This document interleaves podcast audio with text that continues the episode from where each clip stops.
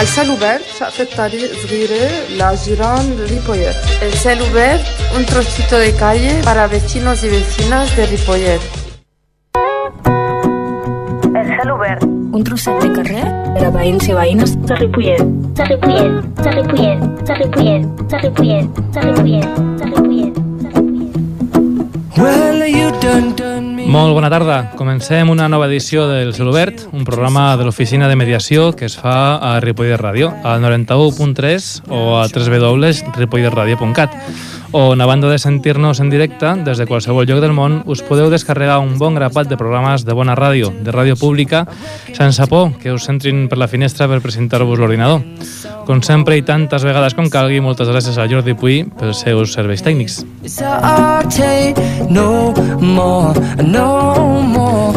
Al darrer programa del mes de juny varen dedicar a parlar de sexe, de sexe i joves principalment. Vam poder resoldre alguns dubtes, vam poder, almenys per uns dies, trencar amb alguns tòpics i sobretot vam poder parlar de sexe tranquil·lament, cosa que no sempre s'aconsegueix.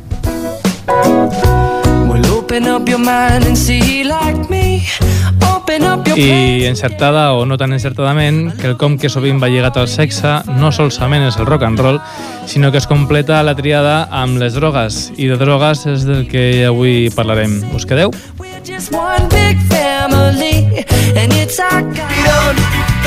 Este lugar, un trocito de calle para los vecinos y vecinas de Ripollet. Todos los días sol.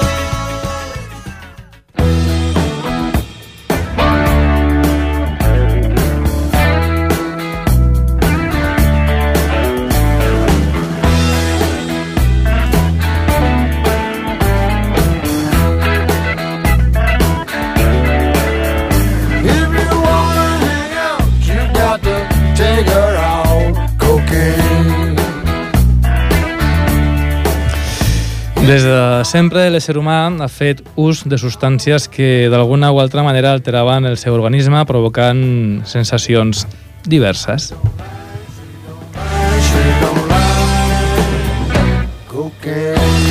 De tots és conegut l'afició dels grecs pel vi, fins i tot li tenien un déu consagrat. A Àsia, l'ús del cànnabis, en Amèrica amb la fulla de coca, a Europa amb herbes com la belladona o alguns fongs. En un principi amb finalitats rituals i religioses, amb un interès científic o de recerca personal, com elements terapèutics o analgè- analgèsics. Però ben aviat el consum d'aquestes substàncies va estar lligat al món, a moments d'oci.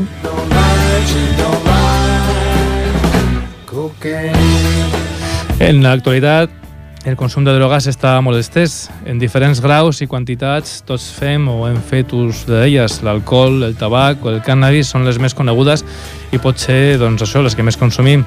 Però n'hi ha d'altres, com la ketamina, l'MDMA o la cocaïna.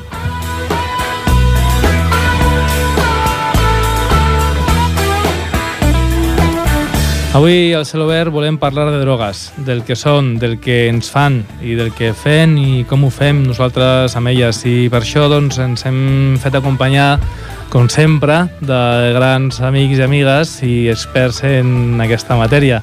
Uh, començo per la meva dreta, val? començo presentant a Laura. Laura és una tècnica del Servei Línia Verda, que és un servei d'atenció sobre drogodependències de la Generalitat de Catalunya. Hola, bona tarda. Bona tarda, Laura. Nerea, que és una jove de Ripollet, que ens acompanya per fer preguntes en tant que jove de Ripollet. Bona tarda, Nerea. Hola, bona nit. Uh, també ens acompanya el Xavi eh, i la Lara. Bona tarda. Bona tarda. Que són tècnics del programa o del projecte Somnit, que és un projecte de la Creu Roja que es dedica a l'anàlisi de substàncies, no? Molt bé, doncs comencem. Mireu, uh, podem començar de dues maneres, o explicant una mica per sobre el que feu i ja entrem en matèria o entrem en matèria directament. Què preferiu? Com sigui. Com sigui, doncs mira, comencem com sigui per, per tu, Lara. què, què, què feu a Somnit? Així una mica ràpidament, que després ja anirem explicant més a poc a poc. Bé, és més un programa de prevenció i reducció de riscos del consum de drogues a la joventut de Catalunya. Uh -huh. I més que res a la prevenció de- d'aquest mateix consum. Està dirigit tant a la gent que ja consumeix com als que no consumeixen per intentar retardar al màxim eh, Mhm. l'edat de consumició. I què, què, què feu per prevenir? Mm, hi ha dos tipus d'accions. Tenim l'acció directa i la indirecta. La indirecta són uns, uns paperets que hem fet que ja estan eh, bueno, Uns díptics informatius, sí, no? Sí, que tenen tota la informació sobre les diferents drogues, n'hi ha un de cada una, i expliquen sobretot què és la droga, quins efectes pot tenir i les sobredosis que pot produir.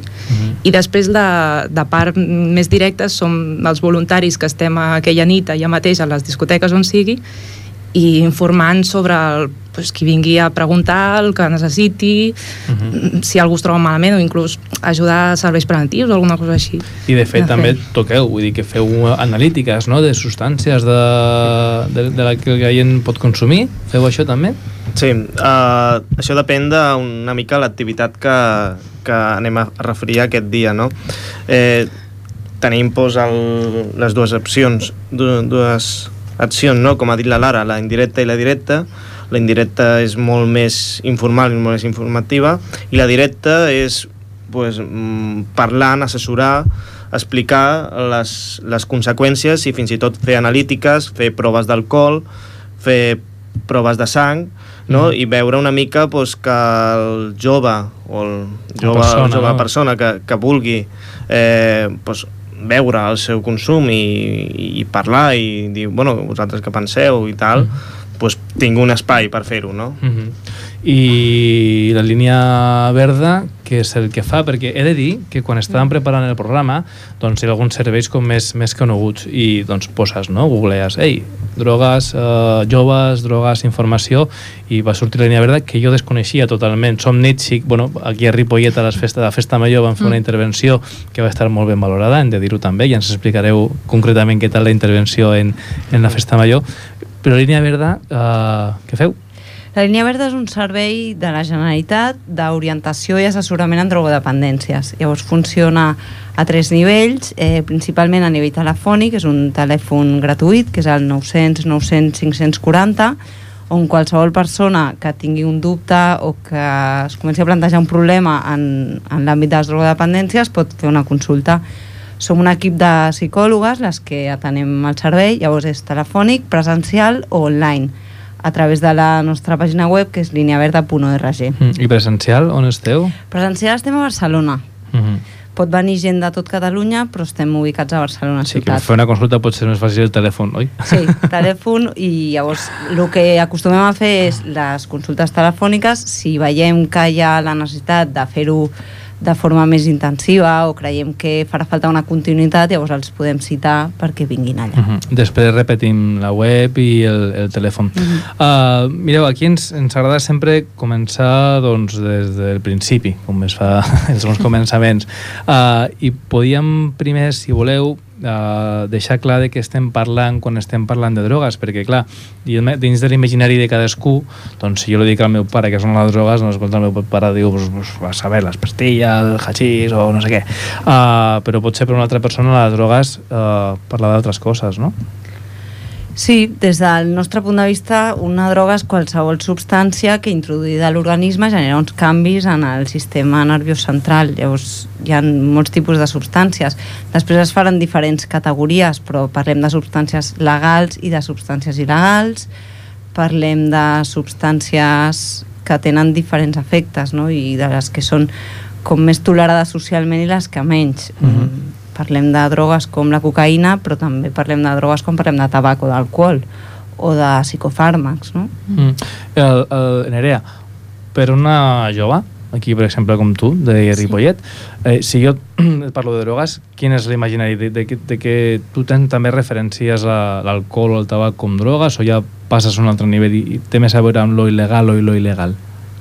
Home, doncs no penses que l'alcohol i el tabac siguin com a principals drogues perquè en aquest moment són drogues legals i passes més a drogues com la Maria o el Mhm. xocolata o coses d'aquestes. Clar, i jo crec que és, és interessant, no?, que com, com realment més, més que de drogues parlem de, de lo legal o lo il·legal, perquè potser és el que més por ens fa. Jo no sé si té a veure, uh, i perdona que ho digui, eh, no sé si amb una doble moral.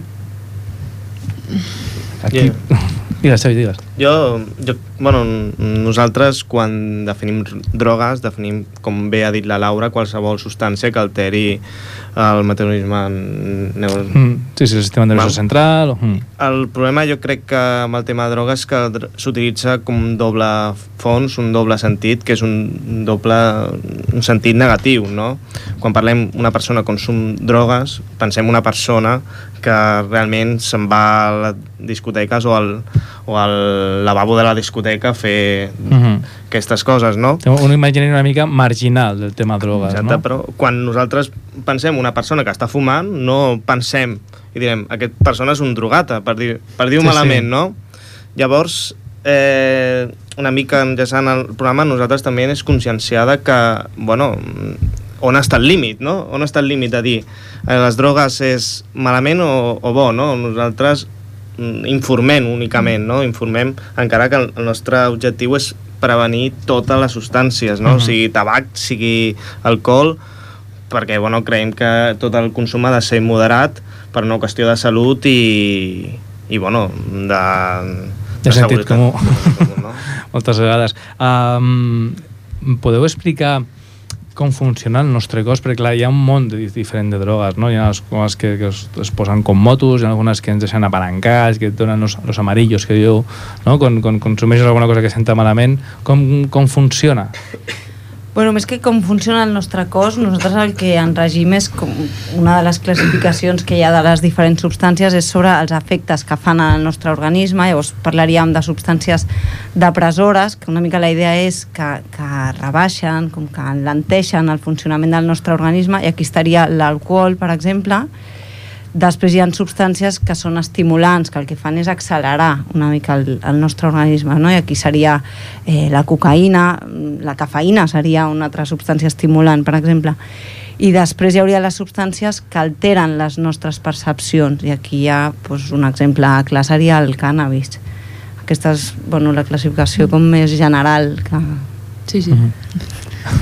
Sí, Gràcies. tenim, no, que és aquesta mateixa classificació una mica Mhm. la que coneixem també nosaltres. Mm. Jo una, una cosa que, que m'ha quedat així pendent que volia dir quan Sí. parlàvem d'això de la marginalitat o la connotació negativa que tenen les drogues, una mica la idea és que el que és perjudicial no és la substància en si, sinó l'ús que es faci de qualsevol substància, no? Llavors, Mm. mm. amb això ens serveix mm, pel tabac, per l'alcohol, per la cocaïna, pel cànnabis o per qualsevol substància. Mm, bueno, I a part d'això també s'ha de tenir en compte que cada persona li pot afectar de diferent manera una mateixa substància i una Mhm. dosis igual, així que allò, el meu amic li ha passat això, a mi em passarà el mateix, no, no se sap, cada persona és diferent. Clar.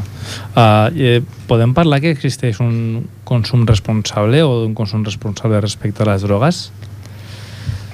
Jo amb una terminologia que em sento bastant còmoda és quan es parla d'un ús o un abús mm Mhm. -hmm. de les substàncies. Per mi és important tenir en compte que qualsevol consum té un risc de qualsevol substància i potser una persona, eh, doncs només que es fumi un porro de Maria, això li pot desencadenar uns problemes psiquiàtrics greus i això no és lo habitual, però pot passar, en canvi hi haurà algú altre que això no li passi. Mm.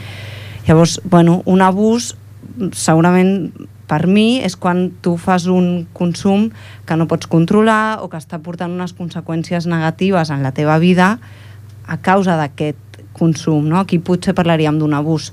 Un ús doncs, seria aquest consum d'alcohol o de tabac que parlàvem abans, no? que, que sempre s'ha entès que no dona cap problema. Bueno, moltes vegades no, però altres vegades sí.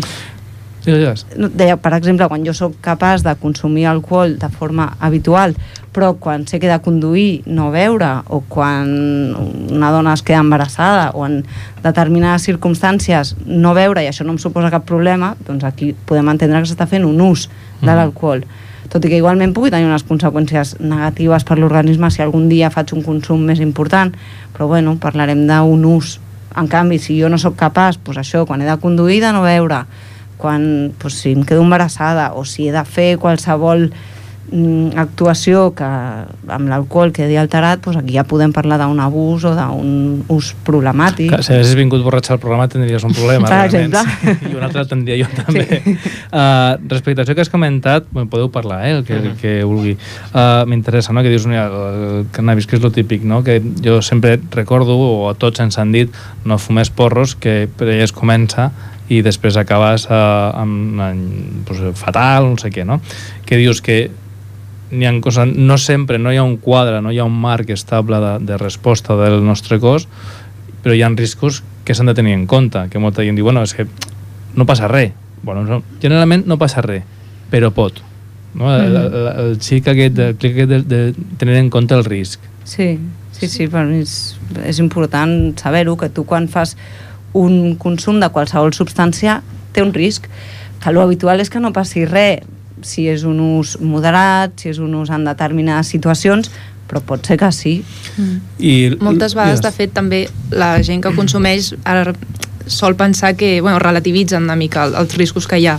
Llavors bueno, no passa res, no passa res, és això, fins que el dia que passa. Uh -huh. I bueno, nosaltres en el programa Somnit el que fem moltes vegades també són eh, controls de- d'alcoholèmia per la gent que ha de conduir i que llavors ja ho avisem i prèviament abans d'agafar el cotxe venen, fan el control i veuen si... No, no és un indicador clar del nivell d'alcoholèmia, però és una mica un...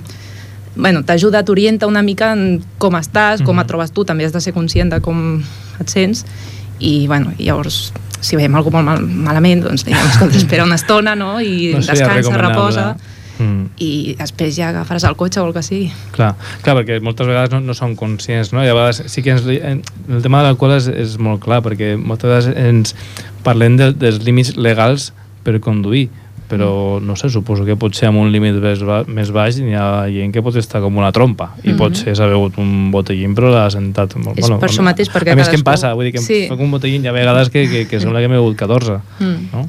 Perquè el límit està pensat d'una manera estàndard, no? perquè a nivell de la, bueno, de la societat ha d'haver-hi un nivell mínim, però és això que cada persona, com que reacciona diferent i l'afecten diferent les drogues, pot ser que aquest límit el rebassi o sigui inferior. Per tant, cadascú ha de ser conscient d'ell mateix i conèixer ell mateix per assumir un risc o no. Mm.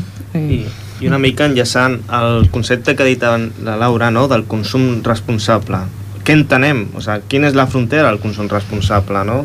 I una mica si cadascú, cada persona té el seu propi no, el seu propi, el seu propi eh, cos els, els, li afecta de manera diferent, no? I llavors què entenem responsable, no? Nosaltres una mica ho definim a l'abús i el ser responsable quan l'abús fa efectes positius eh, de gran magnitud, sobretot a tu i als altres, no? negatius vols dir Sí, negatius, no? El, no? Quan una persona, quan va borratxa, no? I, i es, es cau i ja es converteix en una càrrega tant, tant per una altra persona, no? I, i ho passa malament i, i, i comença a tenir símptomes, això ja ho podem considerar com un abús. Però clar, mm, si una persona eh, veu una cervesa i no li passa, diguem, bueno, això és consum responsable o no, depenent si tu veus una cervesa, com bé ha dit el Pablo, hòstia, doncs el, eh, és un consum abusiu, per, perquè en el teu cas, en el teu, cos, en el teu cas no sempre, tal, eh, no? No sempre, afortunadament no sempre jo voldria dar una mica de dades. El 2010 el projecte Somni va fer un estudi sobre anant doncs, a diferents centres lúdics no? i veiem una mica quin era el tipus de, de, de consum que, que hi havia. No? El, aquest estudi va ser de, 20, de 15 a 35 anys, no estem parlant de menors d'edat, uh -huh. que segurament cometien una legalitat, però que, que és la realitat i que ho, ho veiem i no fa falta anar a rebuscar molt, no? que podem anar a qualsevol discoteca. No? I bueno, dèiem que el 75% dels joves que surten consumeixen drogues, 70%, 70, 75%, no? I que el, la, la, la més majoritària és l'alcohol i el tabac, no? I bueno, una mica el, la sensació d'aquests joves i la preocupació que ens deia aquest estudi és que eh, estaven mig informats i que els agradaria estar més informats a les escoles. Aquí... Perquè ju- just, justament el que dius, que les, les més esteses se suposa que són les que menys ens preocupen i potser hauria de ser al Sí. revés, no? Potser ens haurien de preocupar més d'altres d'altres qüestions. Uh, respecte a això que dius, uh, jo tinc, llegia l'altre dia també, preparant el programa, que la mitja d'iniciar amb, amb les drogues és els 13 anys, 13 anys, 7, 14 anys. Això és, és una edat, per exemple, Nerea, tu és el que has vist o el que tens a, a prop, tu veus que hi ha un inici tan, tan temprà? Doncs sí.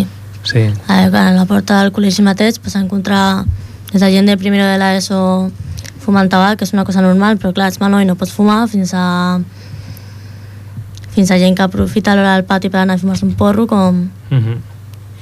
Clar, a mi és que em, em sorprèn moltes vegades no? Eh, estar en contacte amb joves i que t'expliquen eh, els consums que, que es donen i que, bueno, sobretot en, en una quotidianitat, no? que ja no és una discoteca a les 4 de la matinada que has pogut sortir i aquell dia t'has enganxat perquè t'has enganxat com tots hem fet, no? sinó que és com una rutina en el, en el consum. Um, respecte a aquest tipus de consums, vosaltres teniu dubtes, teniu també l'atenció que feu té a veure amb això o ja la gent sempre es dispara amb el, amb el fet més greu? Bueno, a nosaltres les consultes que ens arriben potser clar, està una mica desviaixat perquè ens arriba gent que ja consulta perquè té un problema o perquè hi ha un problema en la família, no? Llavors, en aquest sentit, parlant de joves, el que ens consulten normalment són els familiars, sobretot les mares. I potser sí que hi ha hagut un, un canvi de fa uns anys ara, que fa uns anys un primer consum de porro així al- alterava molt a les famílies i ara ja les consultes arriben quan el consum de porros està portant unes conseqüències ja molt visibles o greus o si no, l'alarma arriba doncs, quan hi ha un consum més de cocaïna o així. Mm -hmm. Potser s'ha naturalitzat més que fa uns anys el consum de cannabis. I, i, I hi ha un canvi amb la crisi respecte als consums? Mm, no sabria. Home, perquè, mira, parlaven, ara, ara posarem un tal que parla de la- de l'adulteració de, les drogues, uh, que hem parlat, mira, ho, ho, pos- ho posem i ara ho parlem. Una de les coses a tenir en compte per nosaltres poder actuar de forma administrativa o penal envers alguna persona que, que tingui drogues és eh, fer un anàlisi de la substància que nosaltres pensem que és una droga. La portem al laboratori i en aquest laboratori s'analitza. Què ens trobem moltes vegades amb aquests anàlisis? Pues que la droga eh, té una petita quantitat de droga, però la solen tallar amb diferents coses. Per exemple, el hachís, caca de camell, trossos de pneumàtic, moltes coses així rares. La cocaïna amb guix, amb gelocatil, però de vegades fins i tot amb matarrates.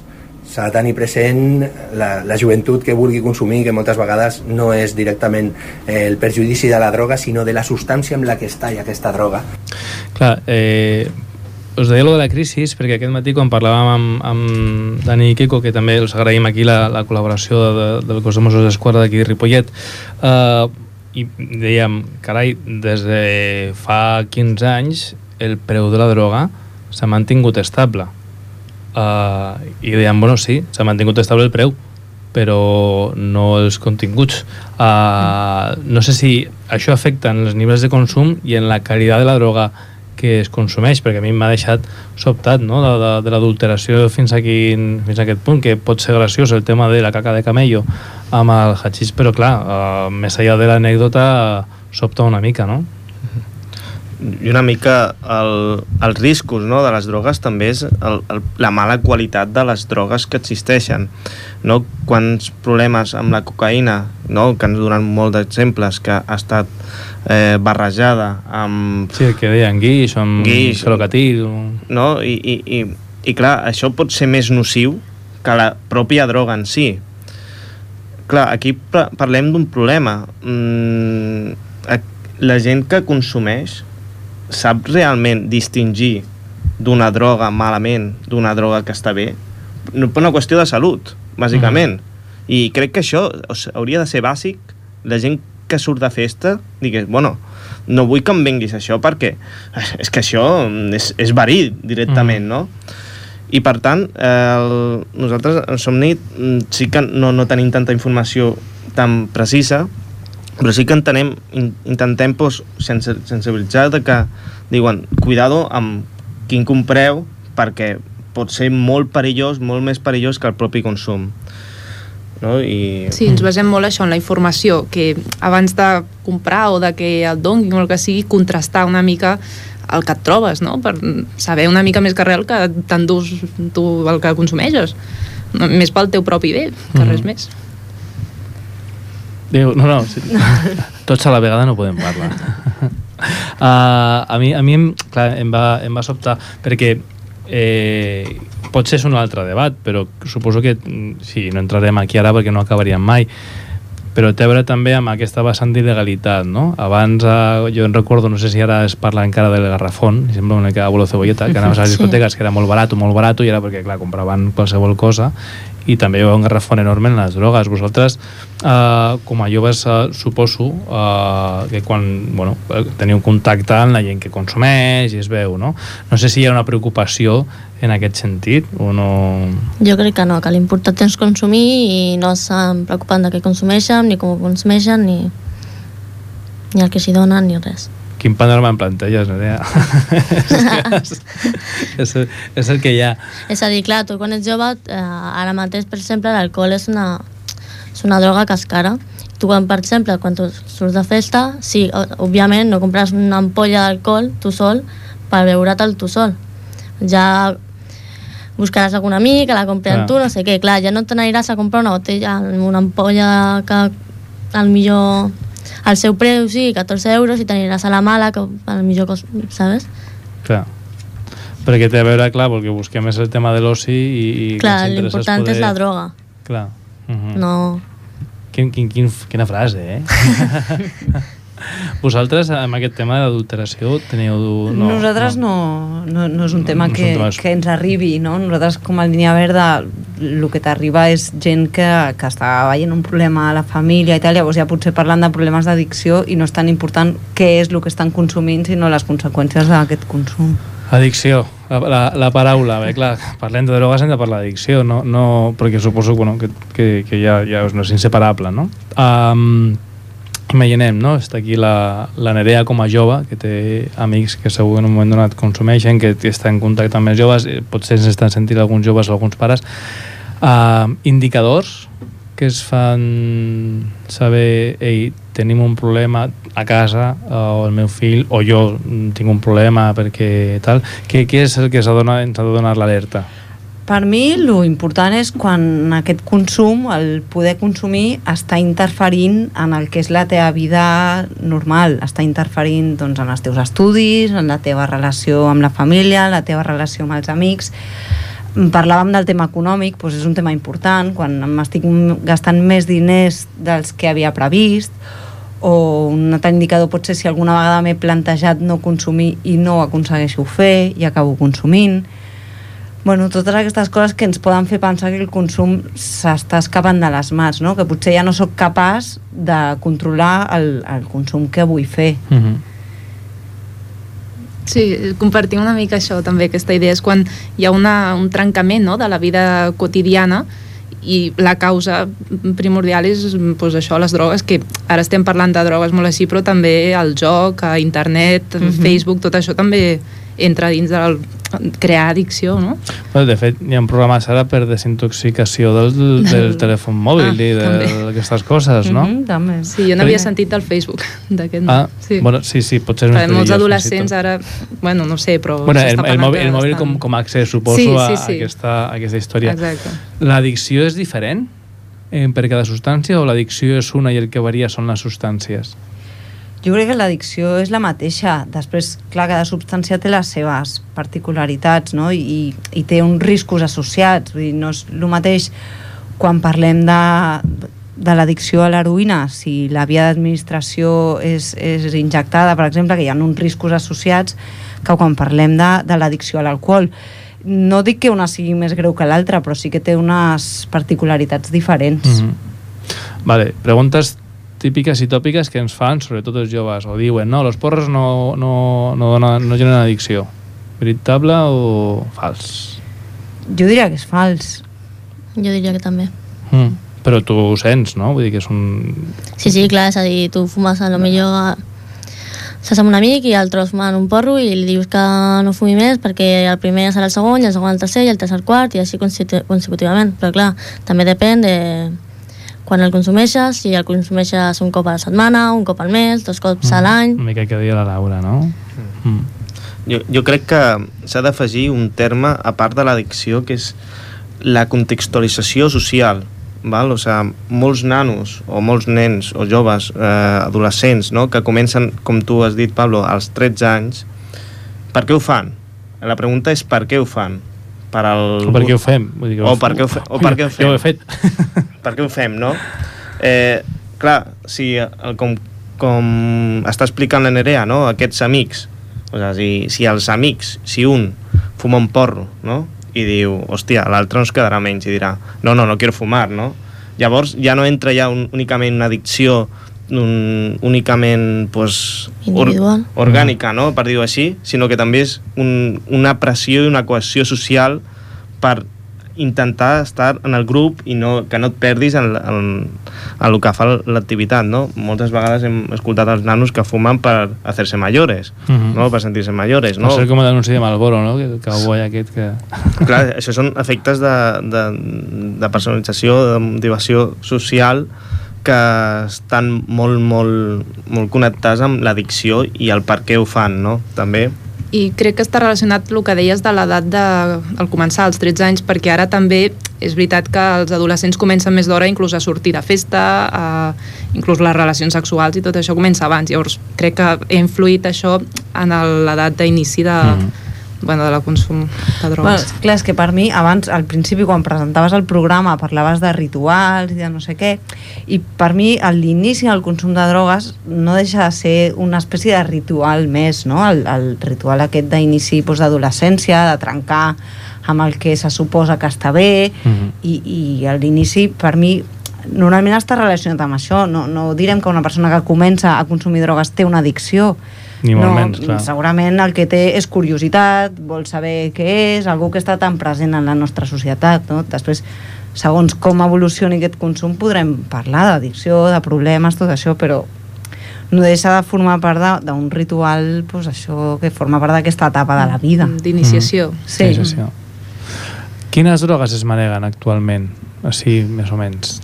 Que, de les que no hi hem parlat. Eh, a mi, per exemple, eh, parlant amb joves, saps? que ara no puc dir els noms, dius, hòstia, no, no, el que mola és la ketamina o l'MDMA.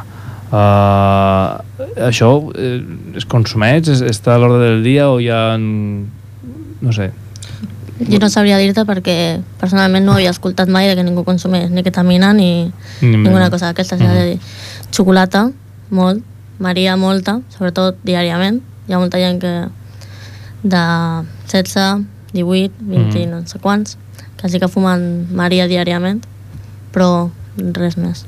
Mm. Bueno, no sabria dir-te, eh? també. Que nosaltres a la línia verda, una mica el que us deia abans, el que ens arriba ja no és el consum més habitual, sinó el que ens El arriba és quan ja hi ha problemes, no? Mhm. I el que ens arriba potser és el més clàssic, alcohol, cocaïna, mm, cànnabis, tot i que hi hagi aquesta idea potser entre la joventut que no dona problemes, no, no és així, sí que, que la gent ens arriba a consultar però en quant a ketamina o altres drogues que, que, que evidentment sí que es consumeixen no són les que ens arriben a nosaltres Mm, No sabria dir-te quines són, però sí que quan vam fer la intervenció a la Festa Major de Ripollet... A- Això m'interessa molt, vull dir, jo vull saber, aquests senyors han estat aquí en la joventut de Ripollet Sí. veient tot el bacalao. Bueno, Què hi ha la- aquí a Ripollet? Què fem a Ripollet? Bueno, el que es fa a tot arreu.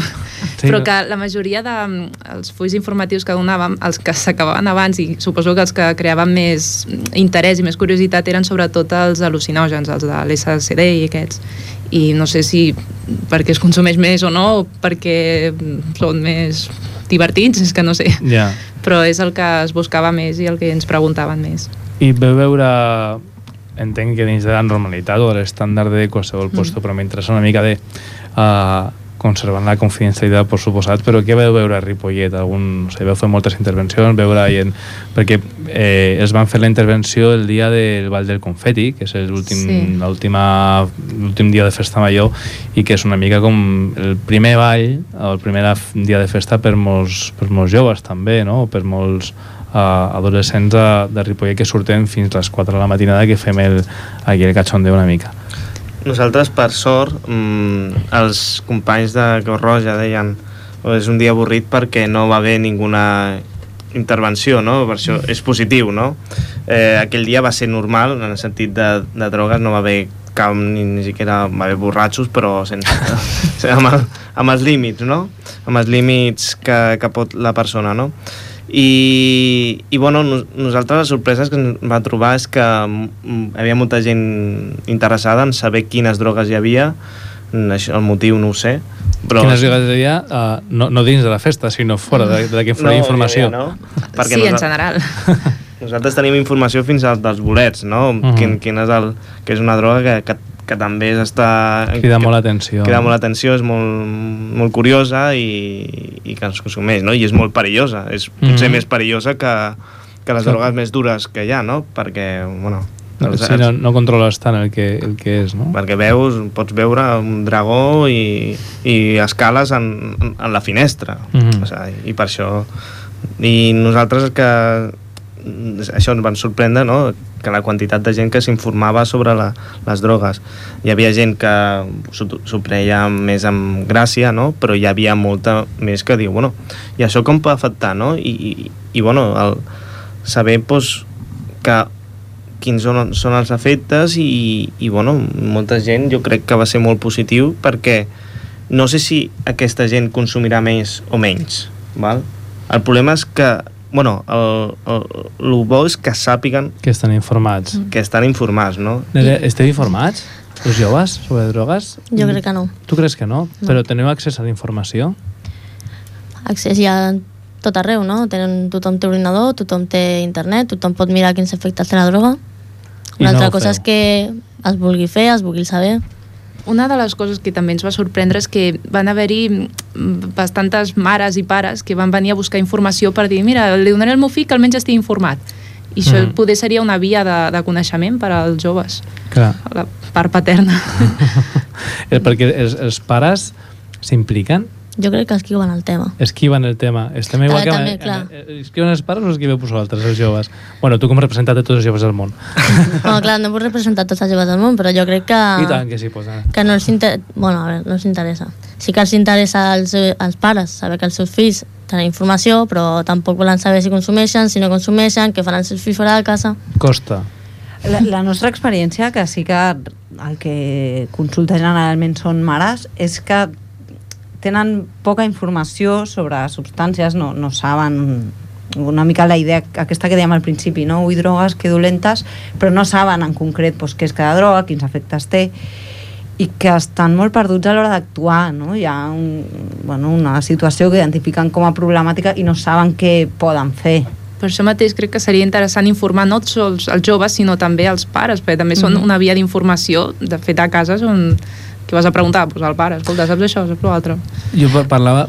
No, no o fa... no, no sé si és un tema que els joves vagin a preguntar als pares, no? Potser ara Mm, però que poder tant seria una manera d'evitar suposo que és un tema que es tracta més eh, com algo prohibitiu i és un conflicte sempre Clar. entre pares i fills llavors si els pares tinguessin més informació poder podrien tractar aquest tema de manera més normalitzada cap als fills i que no fos una, un una inici de conflicte no? dins la relació. Quan- això ja és quan- una opinió més personal.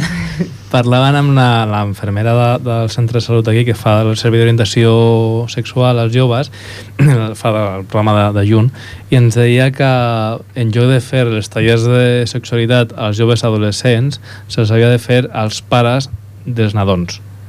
Perquè quan Mhm. arribi a l'adolescència aquest nen ja tingués tota la informació no? potser seria necessari fer més formació als pares o que els pares es, es busquessin més la vida per formar-se Sí, jo sobretot estic d'acord en, en aquest tema de que sigui des de nadons, perquè ja no és un tema només de que tinguin informació sobre drogues. Hi ha, quan, quan comencem a parlar de que és un problema, hi ha moltes altres coses que s'han de tenir en compte, no? La, la comunicació entre pares i mares i els fills, el, el, bueno, l'haver fomentat doncs, l'autoestima del, dels, dels nanos i, la, i les noies, no? que, que pugui que facin conductes que siguin saludables, que, no, que, que si el consum de drogues es queda en aquest ritual de l'adolescència, trencament, doncs no hi ha cap problema. Mm. -hmm. Què passa quan el teu oci es basa només en el possible consum de drogues, quan no hi ha res més? O què passa quan no pots parlar amb els teus pares quan hi ha alguna cosa que et preocupa? Una mica són, són moltes més coses que no només les drogues, les que Mm. s'han de tenir en compte. Mireu, uh, queden res, es queden 7 minuts, que ha passat molt ràpid, oi que sí? Uh, hi ha un tall que jo vull posar, que no és un tema que potser tractarem, no sé si tenim molta informació, però uh, una de les intencions també d'aquest programa era trencar un parell de mites, i, I aquí, a Ripollet, doncs, eh, suposo que en altres puestos es parla també del tema del consum, si està prohibit, si no està prohibit, quin és el marc legal, les plantes, quantes plantes poden tenir? Doncs eh, hem estat això amb el Daniel Quico de, de Mossos d'Esquadra d'aquí de Ripollet, eh, que són els que van als instituts a, a fer les xerrades de l'any tant, i ens han explicat això. És una miqueta llarg, eh? però escolteu. Per el fet de, de tenir drogues eh, es podrien cometre dos tipus d'infracció. Una serien les administratives i unes altres les infraccions penals. La diferència entre una i l'altra doncs, moltes vegades ve marcada per la quantitat de substància que tinguis o pel, per el que estiguis fent amb aquesta substància. L'autoconsum en la via penal, però no en la via administrativa. O siga, la resposta típica que et dona algú, no? Si, si esto es consumo propio, val, consumo propio està molt bé perquè no aniràs a la presó, però sí que tindràs una sanció econòmica. És molt important saber això, perquè molta gent ho té molt clar. No, no, consumo propio no me podéis hacer nada. La llei estableix que mm, el fet de portar qualsevol quantitat de droga a la butxaca ja és com a mínim una infracció administrativa. Per exemple, seria una infracció penal el vendre substància estupefaent, el tema de consumir a la porta d'un col·legi.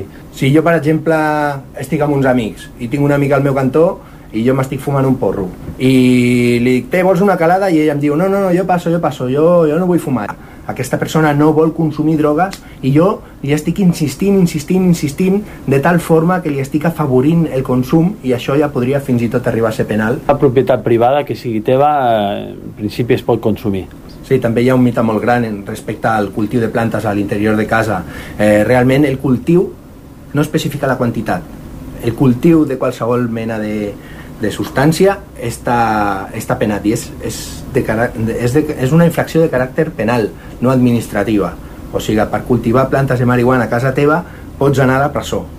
Quins són els detonants importants perquè el jutge ens deixi arribar a entrar dintre d'un domicili?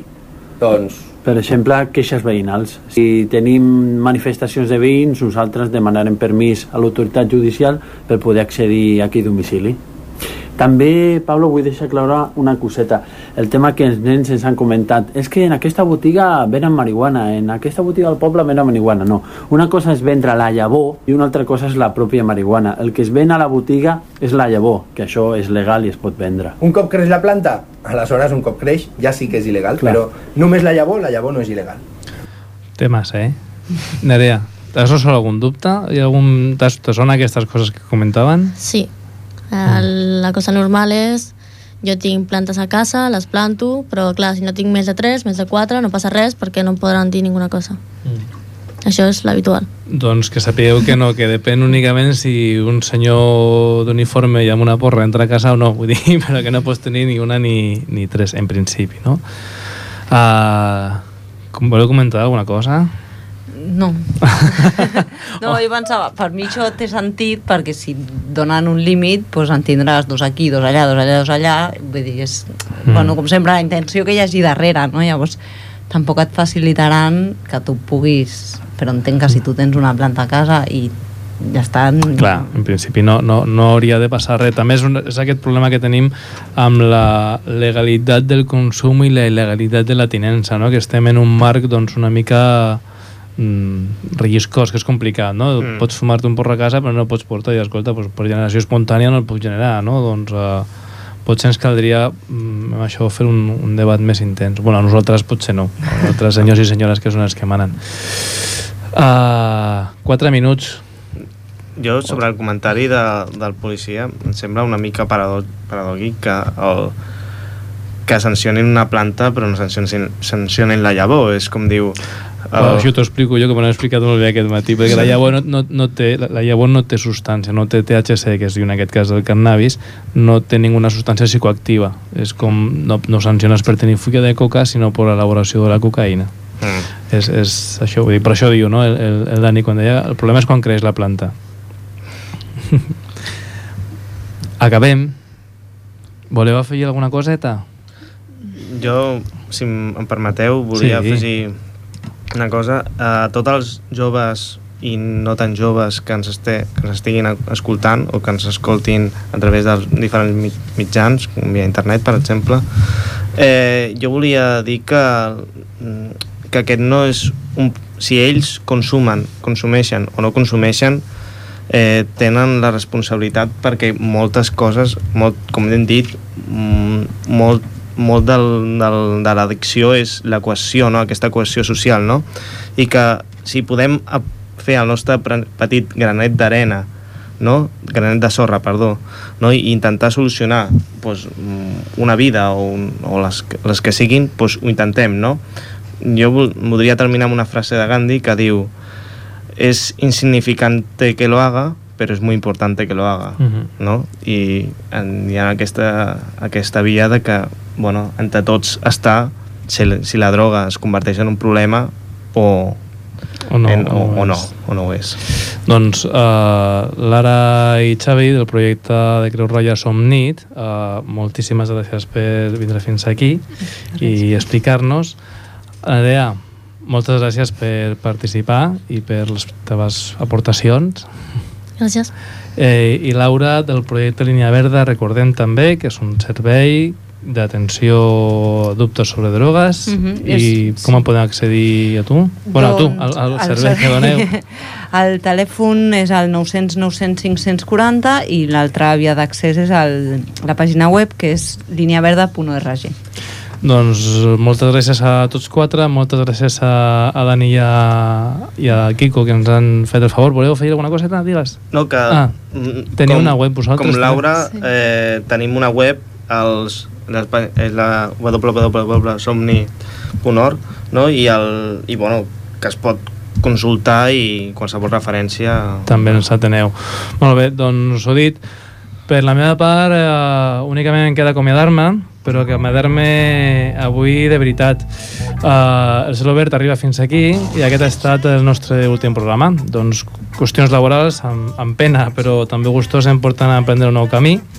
Moltes, moltes, moltíssimes gràcies a Ripoder Ràdio per, per acollir aquest programa amb tanta estima.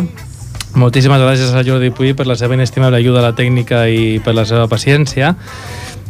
Gràcies a tots i totes les convidats que al llarg d'aquests 21 programes han volgut acompanyar-nos i moltes gràcies a tots i totes vosaltres per escoltar-nos. Molta sort, molts somriures i fins ben aviat.